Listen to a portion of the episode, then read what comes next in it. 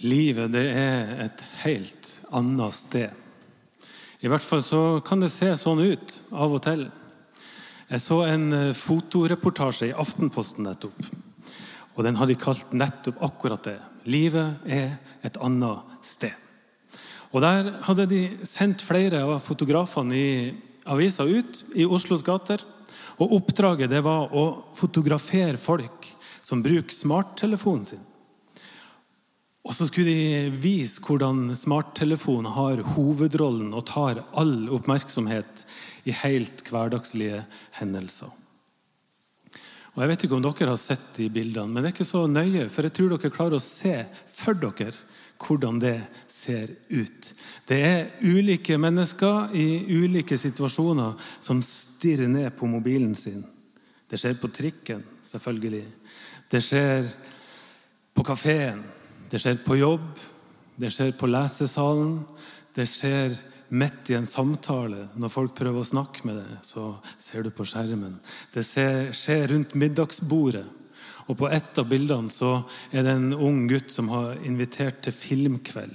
Og så sitter hele gjengen der, fem-seks gutter, med hver sin skjerm på gutterommet og ser sin favorittfilm. Dette her det er inspirert av en engelsk fotograf som heter Babycakes Romero. Han har gjort akkurat det samme, og han har fått stor oppmerksomhet for prosjektet sitt som han har kalt 'Death of Conversation'. Han har laga et tidsbilde av den tida vi lever i.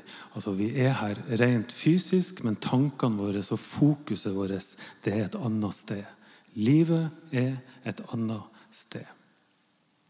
En annen ting som preger oss som er her, og som preger tida som vi lever i, det er jo at vi har det så himla travelt. Vi som har barn, jeg har barn, vi havna plutselig i, i tidsklemma. Den var ikke der før. Men nå skal vi rekke barnehagen, og vi skal rekke henting og bringing og fritidsaktiviteter og middag og legging og jeg vet ikke hva. Og Sånn var det jo ikke før. Og Den gangen jeg var ung, og det er jo forferdelig lenge siden, dessverre, men det har faktisk skjedd en gang i tida, langt der bak i tid, at jeg var ung. Da hadde vi mye bedre tid. Da brukte vi, om ikke vi, så i hvert fall foreldrene mine og sånn, de brukte hele dagen på å lage mat fra bunnen av. Mens nå, nå pælmer vi fjolene inn i mikroen og spiser oss mett så fort vi kan, sånn at vi rekker, sånn at vi rekker kinoen og sånn at vi rekker den kafeen vi skal på. Og så tvitrer vi. Har du ikke fått, du ikke, får du ikke sagt det du har på hjertet i løpet av 140 tegn, så kan du bare la det være. Mens før, ja, da skrev vi brev. Lange brev. Og så venta vi gjerne et par dager på at de skulle komme fram. Det var tider, det. Nå skal alt gå så innmari fort, og vi skal helst ikke vente på noen ting som helst. Før så ble det arrangert verdensmesterskap i venting i Dortmund Wartehalle. Og Det er selvfølgelig tull, men alle, begge dere to som er over 40, vet hva jeg snakker om. Og det var faktisk ganske morsomt, om jeg skal si det sjøl.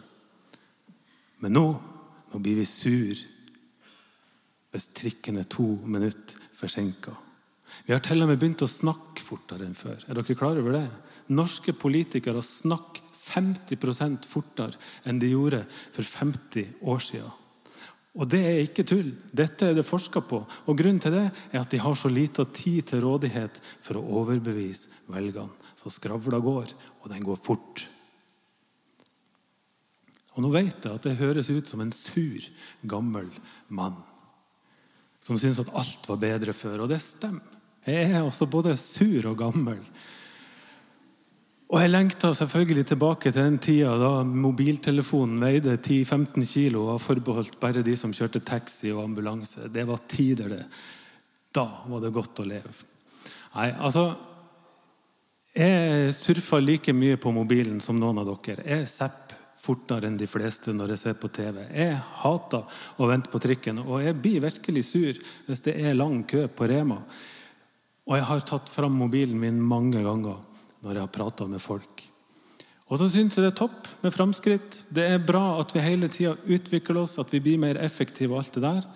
Men så tror jeg det da, at det er også noen ting som går tapt når vi hele tida skal videre. Jeg tror denne rastløsheten, denne travelheta, den er ikke bra for oss. Jeg tror at den får oss til å tro at livet er et annet sted. Og det er det ikke. Livet er her, og livet er nå. Og den teksten som Sara leste, den handler om å finne roen. Den handler om å ikke gå noe sted og ikke lete etter noe annet, men om å bli værende.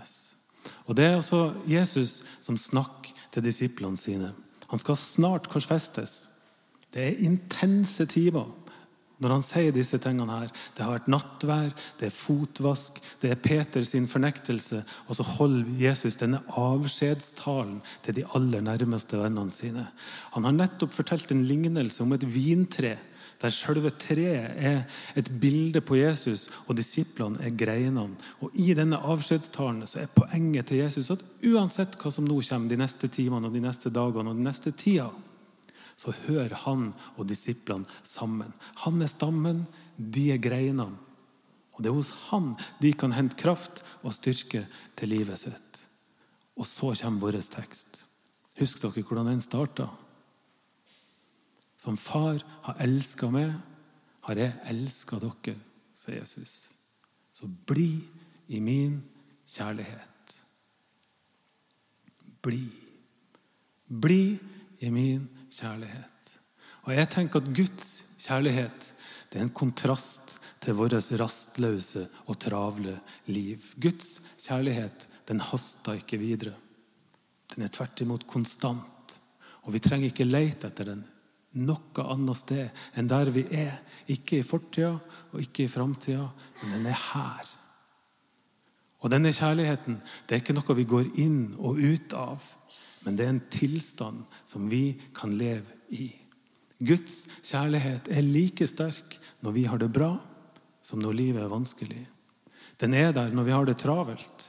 Den er der når vi ikke har det travelt. Den er der når vi strever, og når vi ikke strever. Den blir ikke borte når vi synder. Den blir heller ikke borte når vi skammer oss over hvem vi er. Sjøl da er Guds kjærlighet til oss over all forstand. Den er der når alle og alt svikter. Den står fast når verden raser sammen. Vi trenger ikke lete etter den. Vi trenger heller ikke finne den. Den bare rett og slett er der, sånn at vi kan ta imot der vi er.